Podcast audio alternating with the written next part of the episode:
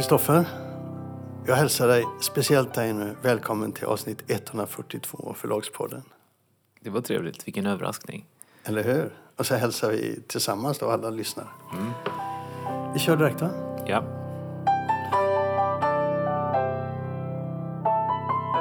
Jag vill börja med en, en eh, lite sorgligare grej. Då. Det är bokhandeln Gudmund Hambrelius har avlidit. Och Svensk Bokhandel har haft en text om det. Och, och bokhandelssidan de vet ju om detta sedan ett tag. Men det var en väldigt, väldigt speciell person. Och jag hade väldigt speciella egna erfarenheter utav honom. Och- Jag tror alla hade det i bokbranschen.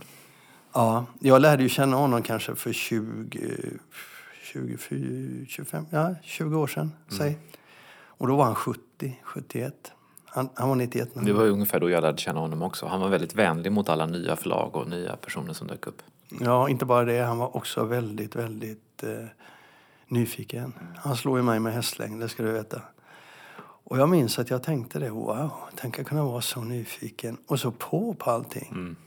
Han hade stilkänsla. Mer än något annat hade han stilkänsla. Jag tror det var bra böcker som gav ut en bok om de sju dödssynderna. Och så hade de exemplifierat med bilder då från eh, kända kulturmänniskor. Och Gudmund han var så stolt. Han skulle visa bilden på sig själv när han stod och rökte en stor, stor fet eh, cigarr och, och, och cigarrmolnen liksom omlindade honom så att säga. Det en fantastisk bild och han såg ut som djävulen själv där, men han var så jädra stolt, snyggt klädd och så. Och eh, han, vad kan man säga, han och hans fru Elisabeth, för hon måste räknas in när man pratar om bokhandeln. För det var de två tillsammans som drev det.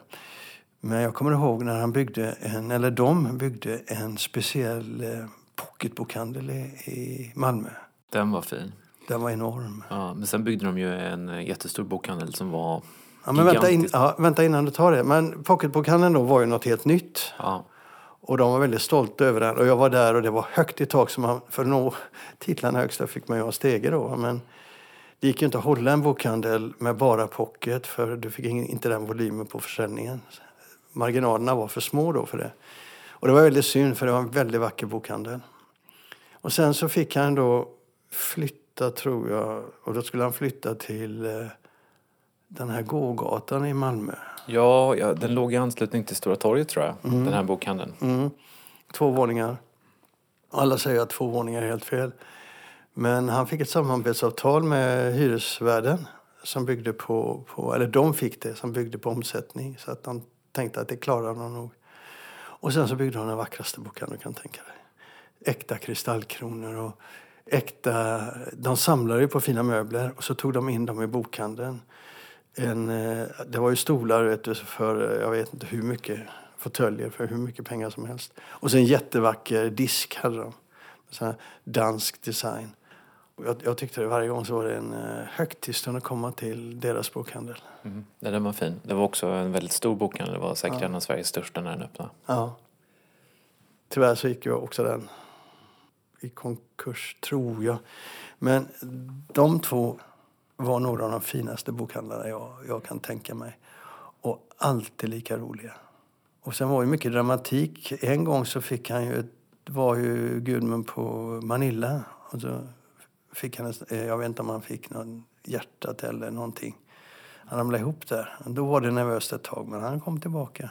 Och sen så var han ju en av de som var med på den här bokhandelsresan som Mats Ahlström och Svensk Bokhandel ordnade när jag var chefredaktör där. Så vi åkte ett 20-30-tal bokhandlare och han var en av dem då. Och då var han ju äldst, garanterat äldst. Men i tullen, den amerikanska tullen i Chicago, så åkte han dit. Jaha. Ja, det var ju Alltså på någon rutinkontroll. jag vet inte vad det var. om Det var några hängslen som gjorde ut sig eller någonting. Men, men eh, det var lite jobbigt att se. Han var väldigt elegant, men han var ju rätt gammal redan då. Och så tog de honom och alla in i tullen. Det var också dramatiskt.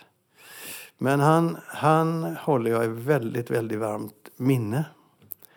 Och med honom så dör en av de bästa bokhandlarna i modern tid i Sverige. Så eh, ja, jag ville bara att ni som lyssnar ska veta vad ni har missat. Mm. Han, det kan också sägas att han, eh, när han, öppna, han och Elisabeth öppnade den där stora bokhandeln. Mm. För det var ju många år sedan nu, kanske kan det vara, kan det vara 15 år sedan, 20 år sedan. Nej, inte 20, men säg 15. Ja, då var ju säkert Gudmund i 70-årsåldern. Han var det. Han var ju... Så att i, vid den tidpunkten när de flesta trappar ner eller går i pension så trappade han upp. Han trappade alltid upp. Så att eh, det är ju faktiskt också ett ideal på något sätt tycker jag. Ja. Att aldrig ge upp utan att hela tiden sikta lite högre. Och så har vi haft en liten eh, fnurra på tråden du och jag. Nej, det har vi väl inte. Du har varit sällsynt grinig i alla fall. Ja, Och så försöker jag då hjälpa till. Och så får jag med en skopa så inåt helsike. Tänkte jag, ja, ja, ja, jag får väl ta den. Och så tänkte, försöker jag eh, för, liksom, försöker jag prata för min sjuka mor då, och det hjälper ju inte i det läget utan jag får med en skopa till då. Och så tänker jag, vi får vänta. Men då gjorde du någonting. Då gjorde du någonting själv. Du gick ut och kollade vad andra, hur andra gjorde. Mm kanske ska jag förklara vad det här handlar om. Ja, det tänkte jag du får göra själv. Nej, men eh, det, det- här är ju eh, något utav det tråkigaste, som, eller mest otacksamma, hopplösa uppdrag som finns i en förlagschefs liv. Det är när man ska skriva den klichémässiga texten till höstens, sommarens eller vårens katalog. Och ni hör, han är fortfarande grinig, det hör ni va? Eh, och eh, nej men jag verkligen hatar det, jag kan säga det. Det, det är det värsta jag vet. Därför att eh, det är så svårt att göra det bra. Om du, du har, I synnerhet om man har en lite större utgivning så är det väldigt svårt. Vilka böcker ska man lyfta? Vilka ska man inte lyfta? Det finns ju böcker som har ett nyhetsvärde, det finns böcker som har en historia. Och det finns böcker som inte har det. Och sen så finns det författare som är väldigt viktiga för förlaget som blir väldigt sura om man inte lyfter dem men som kanske inte har en historia. Kanske vi kanske ger ut en deckare nummer 28 i en serie som drar in massor av pengar men som faktiskt inte har något särskilt nyhetsvärde. Eh, så jag, Jämfört med, med de andra? Nej. Jämfört med något, något annat. Det kanske finns något översatt som är jättespännande, som har en historia. Men eh, det svenska är ju det viktigaste. Så eh, jag har ju liksom försökt hoppa från tuva till tuva och lösa det på lite olika sätt. Jag har, hade en period då jag skrev någonting om varje svensk bok och försökte göra det originellt. Någon gång lyckades jag kanske, men för det mesta blev det ju rätt ointressant. Och förra gången jag skulle skriva så skrev jag om klassikerserien. Bara om våran kvinnliga klassikerserie. Och så nu så, jag bara, jag kom liksom inte vidare. Jag skickade över något utkast till dig. Du sa släng i papperskorgen och gör om. Och det var ju då som jag blev sur. Nej, du var sur innan. Ja, jag var sur innan. Så att nu så gjorde jag liksom, jag tänkte men hur gör andra det här då? Så jag kollade lite grann och det, det var väldigt intressant för att eh, jag började med att kolla på, på Bonniers då. Daniel Sandström han löser detta på ett elegant vis genom att inte skriva så mycket om utgivningen utan att skriva någonting annat. Jag, ska inte säga att jag har gått igenom alla Albert Bonniers förlagskataloger Daniel Sandström är litterär chef men jag har kollat kanske fem, sex stycken. Man har ju, han är ju gammal kulturjournalist så han vet ju. Ja, ja, han Han vet kan. ju. Nej, men han, han skriver eleganta korta texter men de handlar inte så mycket om utgivningen. Det handlar om timing, det handlar om covid, det handlar om liksom hur man tänker. Det är som små krönikor. Och eh, han har, när John le Carré dog så skrev han om det såklart. När Kerstin Ekman kom med en bok så skrev han om det. Och då drar jag mig till minnes att eh, en person som jag känner på Bonnier berättade för mig för många år sedan att det finns bara två stycken författare som de kan ha på omslaget utan att det blir tjafs och bråk. Och det är just Kerstin Ekman och Håkan Esser. För alla liksom högaktar dem, både som trevliga personer och som litterärt framstående personer. Men så löser Daniel Sandström det genom att inte lyfta fram så mycket ur utgivningen. Det är lite mitt ideal kan man säga då, att skriva på det sättet, en krönika. Ja, det är ditt ideal, ja, såklart, som, som journalist. Jag tycker att man ska skriva om utgivningen i första hand. Så en sån text blir ju ointressant egentligen om den inte liksom är väldigt, har något väldigt bra att säga. Han gör det bra dock. Sen Norstedts, där så har de en delad ledare eller vad man ska kalla det för. Det är Håkan Bravinger och eh, Cecilia Karstell som då representerar skönlitteraturen och facklitteraturen. Och de skriver också bra texter men eh, som är också som, som krönikor där de lyfter fram kanske två, tre, fyra titlar högst. Men de gör ändå ett urval. Rabin Sjögren löser genom att inte ha någon ledare överhuvudtaget. Och sen finns det förlag som eh, gör skräcken. Som, det är då självklart lite mindre förlag. Som nämner varenda jäkla bok de ger ut. Och ger den eh, liksom väldigt starka eh, värdeomdömen. Ja, precis. Det blir ju som en, det blir som en, en klichéerna duggar tätt. Det är ju liksom en bästa sommarläsning, lysande, eh, bl- Mm. en fantastiskt spännande bladvändare och sådär. Och det är, ju, det är ju helt ointressant att läsa en sån text. Så när du hade läst de texterna, hur påverkade det dig då? Alltså å ena sidan så blir jag nedslagen över eftersom jag se- ser vilket hopplöst som uppdrag som man har. Å andra sidan så är det ju uppmuntrande att se att det är ingen annan, alla har samma problem och det är hur man än, hur man än löser det så måste man gå ifrån, så måste man liksom kringgå gå problematiken. Mm. Och nu har du skrivit den texten. Nej, jag har skrivit, in, jag har inte skrivit den texten, jag har gjort något. Jag måste skriva klart den typ idag eller imorgon men jag tror att det slutar med att vi gör en Robin och Sjögren-lösning. Det tycker jag är helt fel. Den där texten är väldigt viktig. Där är en kommunikation med, med, med, med någon som vill, tycker om förlaget eller är intresserad av förlaget och personalen. De ska vara stolta över det som står där. Så att, för mig får du alltid hem, hemläxa om du inte skriver något ordentligt. Ja, vi får se. Ja. Men eh, du är inte grinig längre nu då? Nej, jag är uppgiven. Det är mycket bättre. Apropå det här med, med du skriver så tänker jag ibland hur ska vi få ihop material till en podd varje vecka? Och du vet ju det, ibland har vi så mycket material så det liksom bara rullar in. Mm. Och jag kommer ihåg när jag jobbade på Svensk Bokhandel så tänkte jag hur ska det gå? Hur ska vi kunna fylla en tidning? Och då kom den varannan vecka tror jag. Tror det. Ja. Eh, och jag, jag, jag tänkte det i början där. Men sen så insåg jag nej, men det finns hela tiden material att ösa. Det finns hela tiden nya idéer, nya vinklar på allting. Jag kommer de tio åren på Svensk Bokhandel aldrig att ha ett problem med att komma på nya idéer och fylla tidningen. Aldrig någonsin. Men och podden så har vi konstaterat att för det mesta så bara rinner det in mat- material så. Men eh, de sista veckorna har det varit lite trögt. Det har varit lite trögt ja. Men eh, Slita hårt för det materialet eh, det beror lite grann också på hur... Ibland så bara ramlar det ner över oss. Men ibland så kommer vi på saker som är nya. Det här med, med katalogtexter tycker jag är en kul, ett kul ämne som ju inte är så mycket som man tänker på så ofta kanske. Men som ju verkligen är. Ja, det var en grej som blev. Ja, det, det blev ju ett ämne. eh, Efter mycket, liksom, inte gråt och tandagnissla, men mycket problematiskt. Och vad ska vi göra? Vad ska du göra? Och så, så kom, vänta lite, det här kan vi prata om. Och så är det ofta. Så ni som lyssnar då, som, som, ni får ju acceptera att ibland är det högt, ibland är det lågt. Och ibland är det 25 minuter, ibland är det en timme. Idealet är 25 minuter. Ja, Men vi ska köra nu under våren här så får vi se vad som händer. Hur länge tänker du att vi ska hålla på med podden? Men det finns väl ingen... eh, Jag tänker mig att vi kan göra tre poddar till och vi kan göra 300 poddar till. Det beror på hur vi... Det, det, beror på hur relevant som vi känner att det är. Ja, det är ju så. Det, måste ju, det måste, får ju inte bli sämre så att säga. Nej, det är hela tiden relevansen som gäller. Men 300 poddar, det tror jag inte. Nej, det tror inte jag heller. Jag, jag tycker det är fantastiskt när jag tittar på siffran 142. Har vi gjort det? Ja, det kan man bli glad för efteråt. Mm.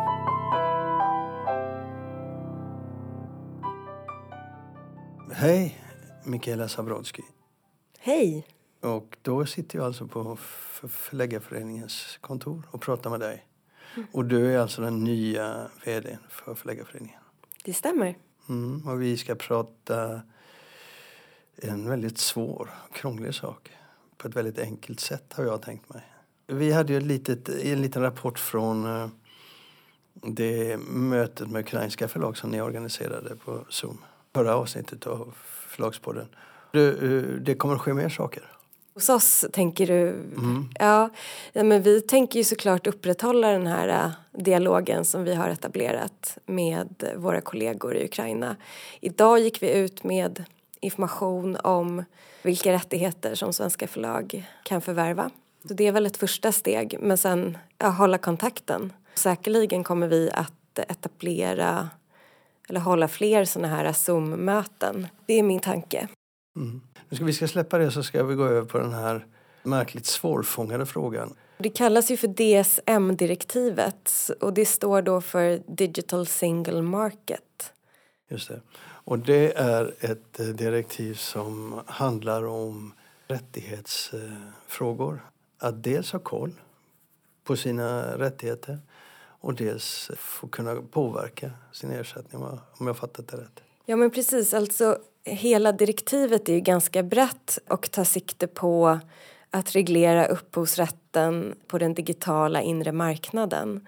Sen så finns det ju vissa delar i direktivet som inte alls berör egentligen liksom bokförlagen. Ja, vi koncentrerar oss på det som rör Ja. bokförlagen och försöker förklara vad handlar detta egentligen om. Ja men precis. Och den del då i direktivet som rör förlag och även författare. Det som kallas för transparenstriangeln, alltså artikel 18 till 23 som tar sikte på att reglera avtalen mellan förlag och mellan upphovspersoner och förvärvare av upphovspersonens rättigheter. du hör redan här ja, blir det redan här blir det ju komplicerat. Ja. Men det är ganska viktig distinktion. Att det just är det obligationsrättsliga som rörs i den här. ja, nu har du nog tappat hälften av alla lyssnare. ja du ser. Alltså, jag Men- säger men om- att det är komplicerat. Ja, men alltså vi försöker göra det så, så synligt som möjligt. Mm. Det här är en fråga som har bekymrat förlagen.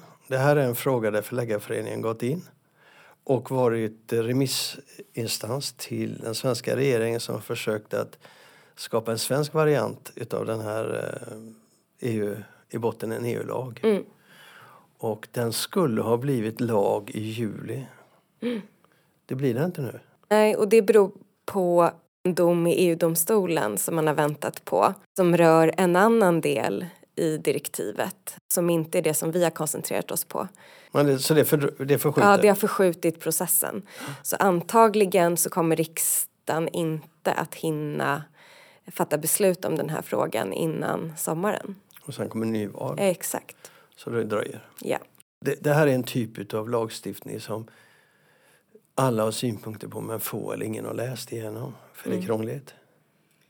Ja, det är krångligt. Nu är ju du jurist så att det är inte så krångligt för dig. Nej, precis. Men det är, rätt, det är krångligt att kommunicera eh, och det är krångligt att förstå. Det handlar om nya regler i upphovsrättslagen som tar sikte på liksom, avtalsrelationen mellan förlag-författare, förlag-översättare, förlag-illustratör, förlag-formgivare, alltså alla typer av upphovspersoner och ja, i vårt fall då förlagen. Och förlagen har varit rätt bekymrade för den här frågan. Det handlar ju om nya regler som påverkar avtalsfriheten. Möjligheten att eh, komma överens med sin, sin motpart. Alltså det är regler som direkt liksom griper in i ganska grundläggande avtalsfriheten. Och tvingar fram andra lösningar om vi säger det. Exakt. Mm. I, i, I kort kan man säga att det kommer att bli dyrare för förlagen. Är det det de är bekymrade för? Ja, alltså bekymret har väl egentligen handlat om lite olika delar. Men eh, det handlar om dels rätt till information från för upphovspersonen. Det vill säga förlagen måste då leverera liksom, årliga redovisningar enligt den här lagen, vilket ju förlagen redan gör idag till författare. Det införs en laglig rätt till skälig ersättning för nyttjandet. Det införs en laglig rätt till ytterligare skälig ersättning för Oj. nyttjandet. Men bara här Mm. i början så, så, så har vi ett problem då. Vad är en skälig ersättning? Exakt, och det vet vi ju inte. Alltså, vi, vi vet ju att det är en fråga som i slutändan, när man reglerar det på det här sättet, kommer att vara upp till rättstillämpningen att avgöra.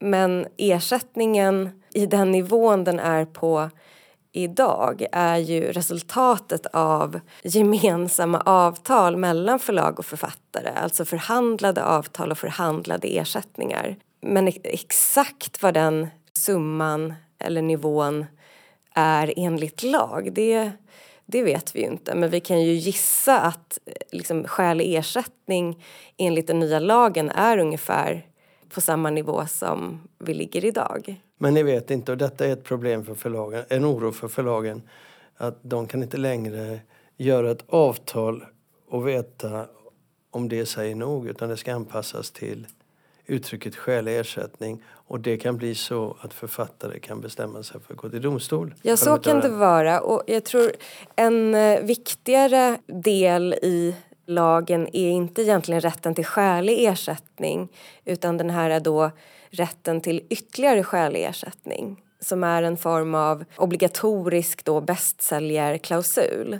som kommer att införas. Och den kan ju skapa en del problem i förutsebarhet.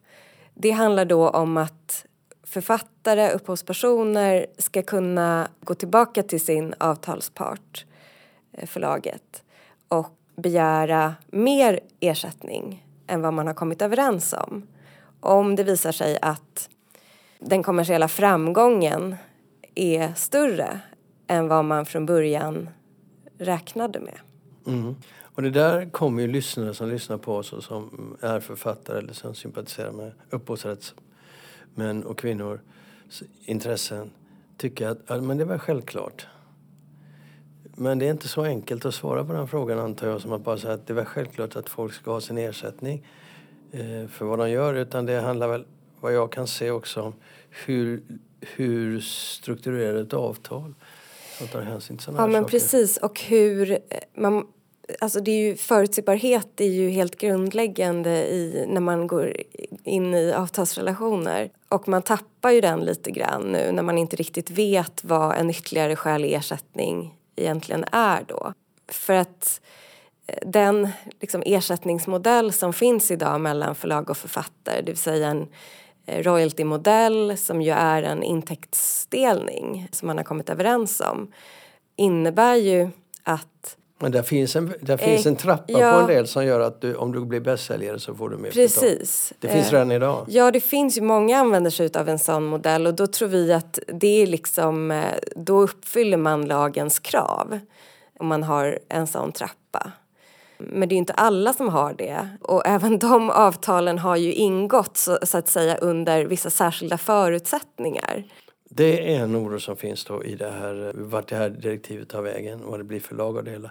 Vad är det mer för stötestenar som du ser att, att man måste, från förlagens sida? Någonting som vi har funderat lite över det är vilka typer av redovisningar som vi enligt lag då ska behöva ge. Och då finns det väl i och för sig så som förslaget ser ut nu även alltså rätten till information gäller alla upphovspersoner inte enbart författare. Utan det är även till exempel illustratörer, fotografer som har foton i eh, i sina verk eller i ett bokverk. Alltså alla typer av, av bidrag egentligen i ett verk som vanligtvis ers, ersätts eh, med ett engångsarvode, det är ett utköp kan då i vissa fall begära årliga redovisningar. Fast de inte får någon ersättning? Eh, Ja, fastän de inte har en ersättningsmodell som står i relation till försäljningen. Och är det något mer eh, av de här frågorna som du tycker är viktiga att ta upp och lyfta fram? Nej, men vi, alltså man kan säga så här att vi har ju jobbat med det här direktivet under väldigt, väldigt många år. Och eh, det är en liksom, lagstiftningsprodukt så som den ser ut nu. Det är bara ett förslag. Vi vet ännu inte hur den liksom, slutliga propositionen kommer att se ut. Men det är ju en balans som lagstiftaren har hittat mellan olika intressen. Alltså mellan utgivares intressen och mellan upphovspersoners intressen. Det är en kompromiss eh, och vi kan liksom uppskatta vissa utav de skrivningar som finns. Vi känner oss hörda i den processen. Men det finns en hel del osäkerhet kring tillämpningen och det är klart att det i sig är ju inte så gynnsamt. Det kommer råda en del osäkerhet på avtalsmarknaden under ett par år framöver, tror jag.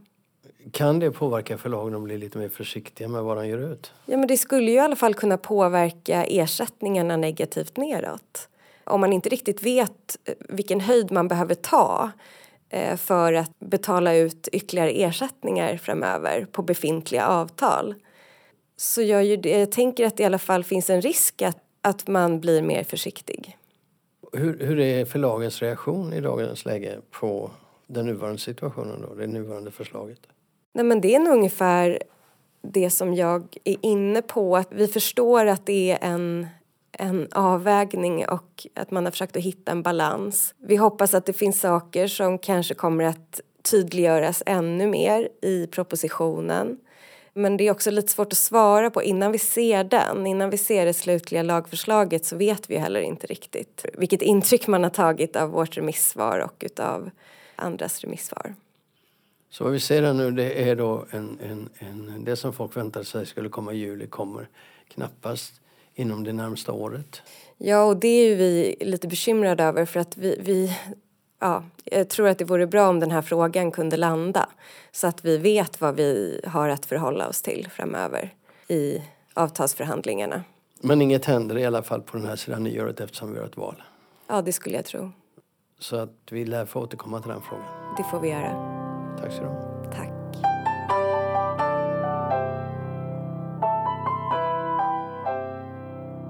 var allt för avsnitt 143.